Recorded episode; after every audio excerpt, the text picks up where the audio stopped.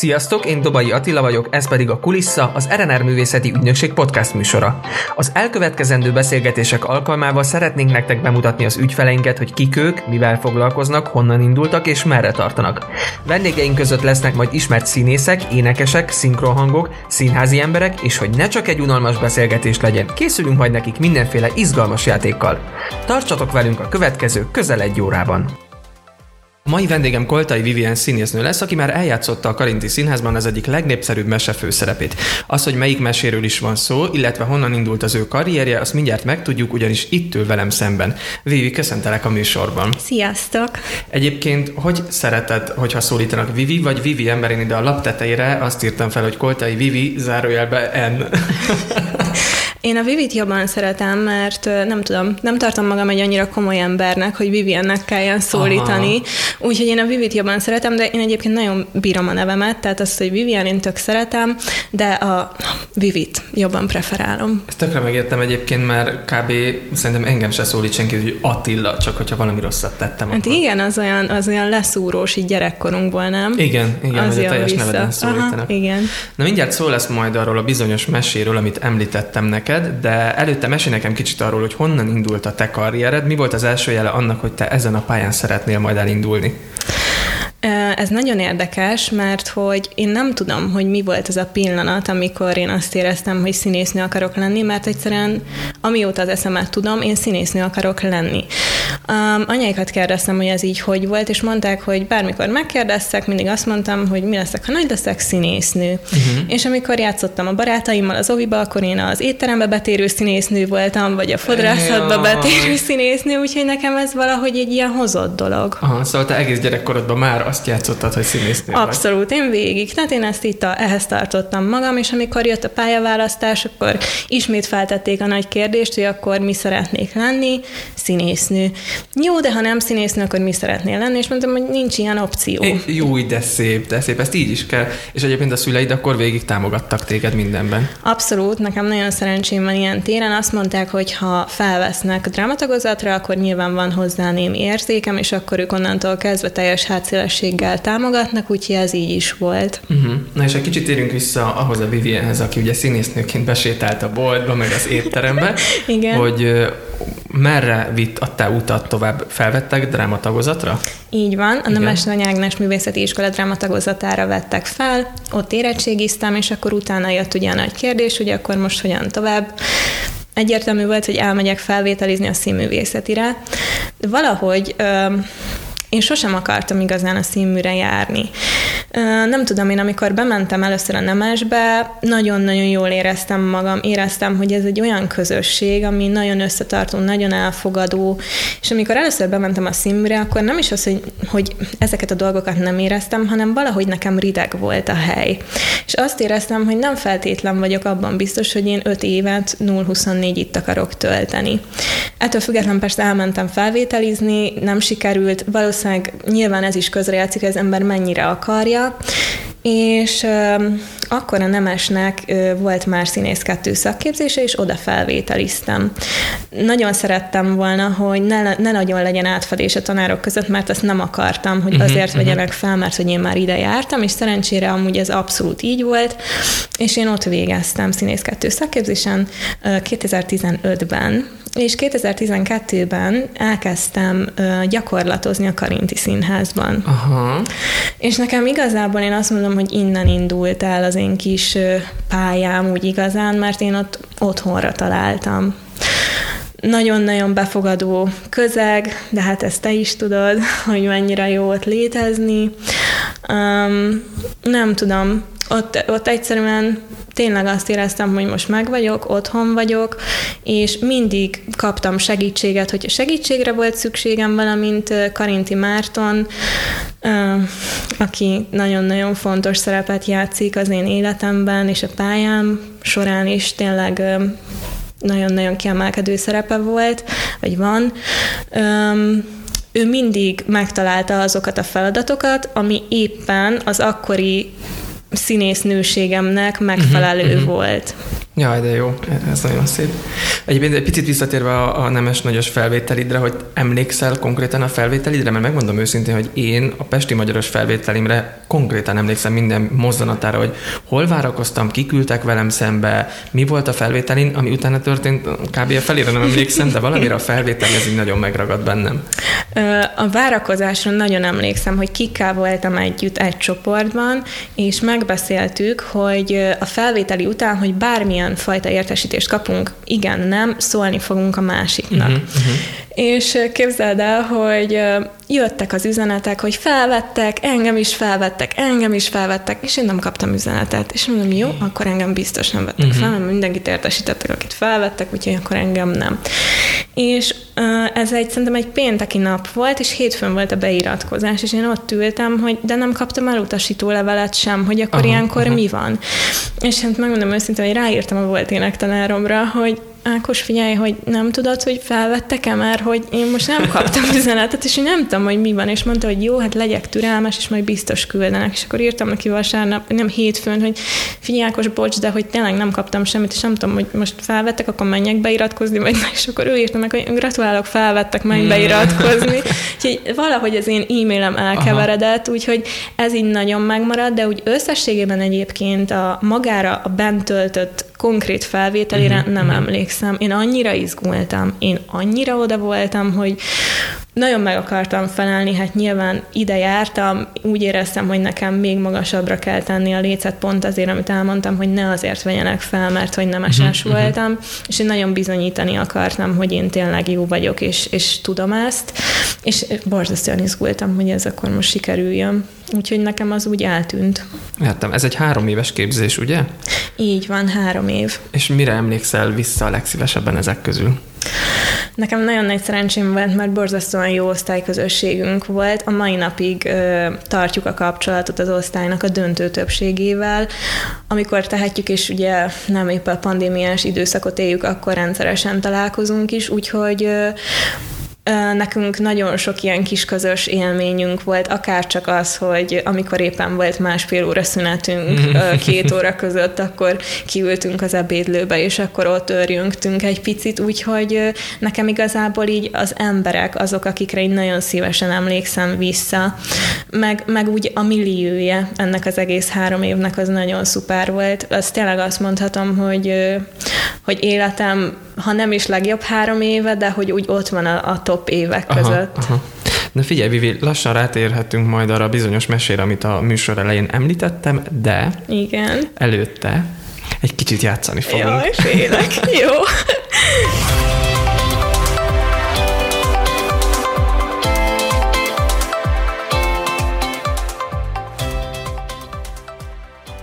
Az első játék, amit játszani fogunk, az egy vagy-vagy játék. Ebben a játékban mindig két dolog között kell majd döntened, és arra kérlek, hogy ahogy feltettem a kérdést, rögtön vágd rá azt, ami először eszedbe jut. Rendben.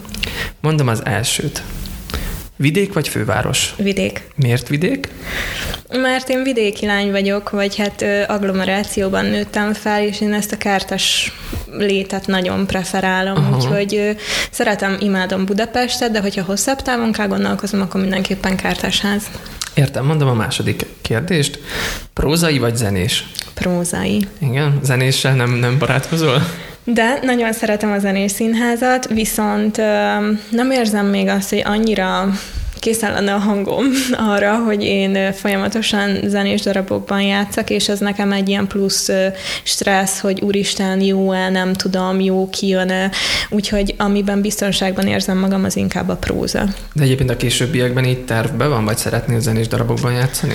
Én nagyon szeretek énekelni, és egyébként pont most készülünk az egyik zenész barátommal egy ilyen kis közös hát ez még legyen meglepetés, de hogy egy ilyen kis közös ügyre, ahol fogok énekelni, uh-huh. úgyhogy abszolút így próbálom magam motiválni, hogy, hogy ez így jó lesz, de én szeretnék, csak még az önbizalom hiányzik hozzá. Értem. Mondom a harmadikat. Mit gondolsz, mi szükséges ehhez a szakmához? Tehetség vagy szerencse? Ez nehéz, tehetség. Szerinted több tehetség kell, mint szerencse, vagy ilyen 50-50? 50-50. Ha azt kérdezted volna, hogy tehetség vagy alázat, akkor biztos, hogy az alázatot mondom, Aha. mert szerintem az a legfontosabb egyébként, hogyha az ember alázatos és kitartó, akkor rengeteget tud tanulni, én azt gondolom. Értem. Mondom a negyediket. Állat vagy ember? Állat. Na, van házi állatotok? Rengeteg. Mik vannak? Kutyákkal élünk. Van öt kutyusunk a családban, okay. tehát hogy ez egy ilyen családi vállalkozás a kutyák számát tekintve. Ebből kettő az, aki így hozzám tartozik, uh-huh. és hát én halálosan imádom az állatokat, tehát hogy a kutyákon felül minden létező állatot nagyon szeretek, és hát igen, tehát, hogy inkább a, az állatok fele húz a szívem, hogy őszinte legyek, mert, mert ő mindig ott van, meghallgat, mindig csak a szeretetet kapom, úgyhogy... Bennük állat. nem csalódsz. Nem. Na mondom az utolsó kérdést ebből a játékból. Film vagy színház? Színház. Szuper. Na figyelj, Vivi, következik a második játék, aminek az a cím, hogy 5 másodperces szabály. Gondolom a címéből kitaláltad már, hogy miről fog szólni. Kérdéseket, illetve kategóriákat fogok neked mondani, és 5 másodperced lesz mindig, hogy ezekből három dolgot felsorolj. Készen állsz? Nem. Jó, lehet. akkor mondom az elsőt. Sorolj fel három előadást, amiben játszol. Jó, Szentpéter Klotild néni félőlény. Szuper, bőven benne voltál az időbe. Egyébként ezek közül van kedvenced? Uh, hú, Vagy ne... most csak ez a három jutott random eszedbe? Ez a három jutott hirtelen eszembe, de ez is egy nehéz kérdés, mert a Klotild nénit azt pont most kaptam meg, így egy szerepátvétel során a lezárások előtt, úgyhogy még nem volt alkalmam játszani, de azt nagyon várom, mm-hmm. hogy, hogy mhm. eljátszhassam Zizit. A Szentpéteres ernyője az nekem egy ilyen örök szívem csücske marad, a félőlény pedig ugye pont a pandémia előtt mutattuk be, úgyhogy ezt pedig még nagyon kevés alkalommal játszottuk, pedig szerintem egy nagyon jól sikerült előadás, meg egy nagyon szép történet. Értem, mondom a második kérdést. Sorolj fel három olyan színészt vagy színésznőt, akivel együtt játszol a Karinti Színházban. Balázs Andi, Igen. Marton Robi, és, és, és... Lejárt és... az időt? Ne! Na jó van, mondom a harmadik kérdést. Mondj három olyan szót, ami elhagyhatja a száját egy rendezőnek egy próbafolyamat során. Rendezői bal, menj odébb, nyisd már ki a szád. Jaj, de jó. Rendben, mondom a negyediket. Sorolj fel három olyan dolgot, ami az éjjeli szekrényeden található. Lampa, könyv és kézkrém. Sokat szoktál olvasni? Nagyon szeretek olvasni, úgyhogy amikor időm engedi, akkor, akkor mindenképp, hát most időm egyébként ugye engedi, engedi. úgyhogy, úgyhogy igyekszem minél többet, igen. Van kedvenc regényed, vagy gyerekkorodban olyan, amit nem tudom, hogy többször elolvastál? Mert megmondom őszintén, én gyerekkoromban hát biztos, hogy tíznél többször nekifogtam a 101 kiskutyát elolvasni, de soha nem értem a végére. Nem hát. tudom miért, valahogy így félúton meguntam mindig, pedig imádom a mesét. Nekem az első ilyen nagyon maradandó gyerekkori könyv élményem az a Harry Potter volt, és ez annyira Aha. meghatározó volt, hogy én a mai napig Harry Potter függő vagyok, úgyhogy, úgyhogy az volt ez, ami így végigkísérte a gyerekkoromat, és az volt, amit így, tehát a mai napig akárhányszor el tudnám olvasni az összes könyvet. És inkább könyv, vagy a filmek? Hát, um, na ez egy nehéz téma, hogy ha tényleg van időm, akkor én nagyon szívesen olvasom a könyvet, mert hát azért ez nyilván tudjuk, hogy tök más, vagy hát egy valamiben uh-huh. más, mint a filmek, viszont én tényleg nagyon szeretem a filmeket, szerintem tök jól sikerültek. Úgyhogy ha megy bárhol a tévében, akkor én mindig megnézem. Biztos, hogy nézed. Hát ezer, ezer százalék. Mondom az ötödiket. Mondj három szereplőt az Alice Csodaországban című meséből. Aliz, szívkirálynő és a nyúl. Szuper! Na és akkor el is érkeztünk ahhoz a bizonyos darabhoz, amit már oly sokat ugye emlegettünk is az elején mondtam, Alice Csoda országban a Karinti Színházban. Hogy jött a te életedbe ez a darab? Ez egy nagyon érdekes kis sztori volt, mert hogy egyszer csak este megcsorant a telefonom, Kovács Háni hívott, hogy hogy lenne kedvem szerepelni a hófehérkében, amit ő rendez. És uh-huh. mondtam, hogy hát persze, tök szívesen, és valahogy úgy alakultak a dolgok, hogy akkor ez még úgy volt, hogy fent lesz majd, tudod, a Karintiban, a kisteremben, tehát uh-huh. hogy fent fogjuk ezt játszani, és aztán úgy alakult, hogy Karinti Márton igazgató úr akkor azt ajánlotta fel, hogy akkor legyen nagy színpad, viszont akkor egy másik előadás, és akkor így jött az Alice Csodaországban. És megkérdezték, hogy ehhez is lenne kedvem, és nekem az Alice Csodaországban az egy ilyen nagyon nagy favoritom gyerekkorom uh-huh. óta, sokkal nagyobb, mint a hófehérke, úgyhogy oh. nekem ez egy ilyen nagyon nagy boldogság volt, hogy ez lett végül. És egyébként hogy fogtál hozzá egy ilyen szerephez? Gondolom, ahogy említetted, már a mesét azt többször láttad, minden változatát. Abszolút, hát megnéztem nyilván újra a mesét, mert ezt azért már elég régen uh-huh. láttam. Elolvastam szerintem 32-szer a könyvet, és megnéztem a Tim Burton filmeket, de hát az csak azért, hogy magamat szórakoztassam. Úgyhogy igyekeztem egy picit így beleásni magam ebbe, utána olvastam egy picit, hogy pontosan hogy jött létre ez a könyv, kinek, hogyan íródott, nem tudom, és akkor így próbáltam erre ráhangolódni, mert hogy ez volt bennem az első kérdés, hogyha a gyerekek eljönnek megnézni, mindenki a szőke hajú Aliszt várja, és én a fekete hajammal, hát nem aha, egészen aha. az a, a látvány leszek, amire ők számítanak. És én utána olvastam, hogy akiről íródott ez a kis Alice, ő egyébként egy barna hajú kislány volt. Tehát Disney csinált belőle egy szőke uh-huh, hajú uh-huh. kislány, de hogy ő alapvetően egy barna hajú kislány volt. Nyilván ezt a gyerekek, akik eljöttek, nem tudták, de az én lelki megnyugvásom megvolt, hogy akkor... Én vagyok az eredeti real Alice. így, így, igen. Tehát, hogy nem az volt bennem ezzel kapcsolatban, hogy akkor most én megváltom a világot, és akkor én leszek a barna hajú Alice, uh-huh. hanem hogy igazából Alice barna hajú volt. Szuper. És egyébként egyik interjútban azt mondtad, hogy fontosnak tartod a diákoknak szóló előadásokat. Ez a te szabad, így szóró szóra. Miért tartod fontosnak? Ez um, számomra egyébként ezért fontos, mert hogy én pontosan ilyen iskolába jártam, ugye a Nemesbe, ahol nagyon sok uh, kifejezetten diákoknak készült előadást láttam, és uh, szerintem ahhoz, hogy a fiatalokat rávegyük arra, hogy igenis üljenek le olvasni, uh-huh. vagy hogy jól érezzék magukat a színházban, és szívesen menjenek, ahhoz szükség van arra, hogy egy picit úgymond beszoktassuk őket. És hogy ezek az előadások szerintem pont ilyenek. Tehát, hogy mondjuk egy gyereket, hogyha elvisznek egy jó gyerekelőadásra, akkor valószínűleg a másodikra is tök szívesen megy el. És akkor utána már szívesen fog beülni egy kötelező olvasmánynak az előadására, és így tovább. Vagy hát ezt én így gondolom. És egyébként például egy gyerekelőadásnál szoktad így félfüllel hallgatni a gyerekek reakcióit? Megmondom őszintén, hogy én mindig így ö, kiállok, vagy hát az Aliz előtt így beálltam a takarásba, és így hallgattam, hogy akkor mennyire van zsivaj, miket ö, beszélgetnek kint, vagy mit találgatnak, és ö, nagyon nagyon jó érzés volt, amikor, amikor volt mondjuk egy olyan része, ahol ki tudtam hozzájuk szólni, és akkor ők erre tök jól reagáltak, úgyhogy uh-huh. abszolút szoktam erre figyelni, hogy, hogy ők mit, hogyan reagálnak erre. Mm, hát nyilván gyerekek, a legőszintébb közönség, úgyhogy az ő, az ő reakciójuk az szerintem nagyon fontos. Értem. Na figyelj, lassan a beszélgetés végére érünk, de előtte még van két kérdésem, amit minden vendégemtől meg szoktam kérdezni. Az első pedig az, hogy mit üzensz azoknak a fiataloknak, akik erre a pályára készülnek. Milyen tanácsokkal látnád el őket? Hmm. Legyenek nagyon-nagyon kitartóak, tudják, hogy pontosan mit akarnak, és legyenek nagyon alázatosak. Tehát, hogyha öm, nem találja meg őket elsőre az a dolog, amit ők azt gondolják, hogy már pedig ez jár nekem, akkor az még nem járt, hanem akkor azért még igenis meg kell dolgozni, és örüljenek minden kis feladatnak, és minden kis pici apró dologban is találják meg az örömüket, és akkor, akkor ez célra vezető lesz. Hú, de jókat mondtál. Ez nagyon tetszik. Aj, köszönöm.